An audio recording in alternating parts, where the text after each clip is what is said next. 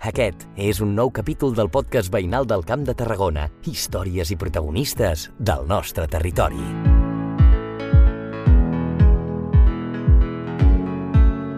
Aquesta setmana el nostre protagonista és un home de camp, un home que ja en la seva època lluitava pels avenços del món agrari.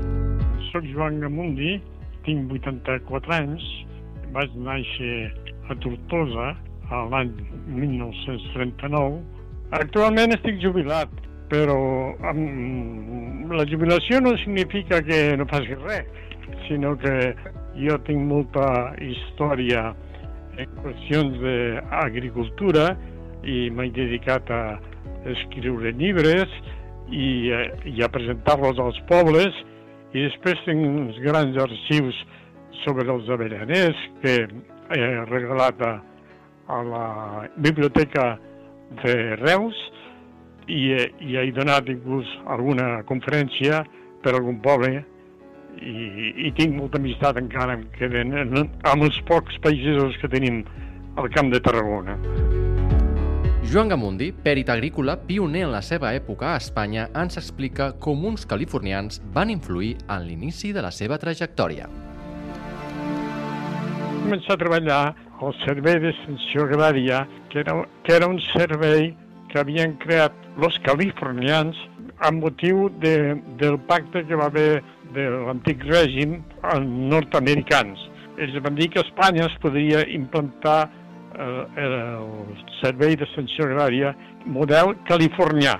Van vindre els californians aquí i, i el Ministeri d'Agricultura d'aquell temps va convocar eleccions per muntar el servei d'extensió agrària aquí a Espanya. Vam fer oposicions, jo les vaig fer, l'any 63, les vaig guanyar i després ens van internar durant tres mesos a una finca preciosa de l'Institut Nacional d'Investigacions Agronòmiques que hi ha a Elencín, molt prop del Henares.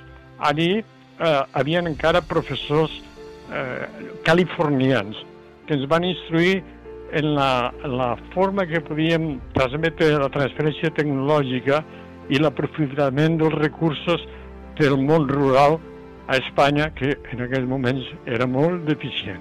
També ens van mm, influir en ens en política, sinó que féssim neutrals ni de dretes ni d'esquerres, del mig, encara que cada un tenia, tenia el seu pensament. I també eh, ens van facilitar de que els que érem catalans i els que érem valencians anirien a treballar quan acabessin tots els cursos de formació a Catalunya o a València. I així va ser. I l'any 1965 eh, vam, vaig vindre a Reus i ja no m'he mogut mai més. La infància del nostre protagonista va anar marcada pels anys de recuperació després de la Guerra Civil Espanyola. A la meva infància vaig néixer en 1979. Néixer quatre mesos finalitzada la guerra. Vaig néixer a Tortosa. Eh, Tortosa era una ruïna. Havien volat els ponts i, i, i hi havia molta misèria i, hi havia molta pena.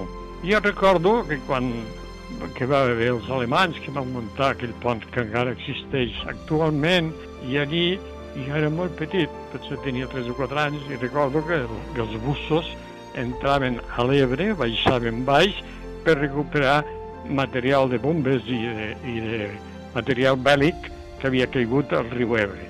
Per nosaltres era tota, per a la infància d'aquell temps, era tota una aventura, com una pel·lícula de cine, per dir-ho així. Després ja a poc a poc se van anar recuperant les coses, vaig anar al col·legi i vaig tindre molta sort perquè al col·legi de Tortosa eh, anaven aquells que el règim franquista condenava per nacionalistes. Després vaig tindre la sort que al batxillerat me vaig trobar la mateixa cosa. Al batxillerat vaig tindre una formació molt, molt activa. Una etapa educativa força activa amb tot plegat. I quan i per què el món agrari arriba la vida d'en Gamundi?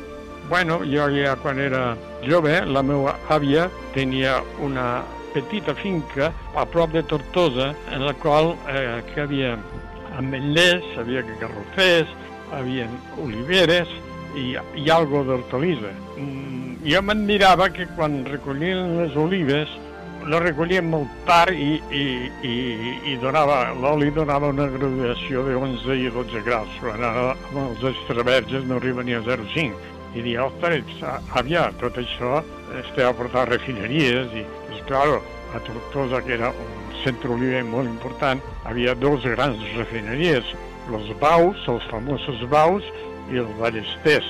I aleshores tot aquell oli, pues, te'l mal pagaven, dir així, i el refinava Ballester i l'envasava inclús i, i els Baus que feien el mateix.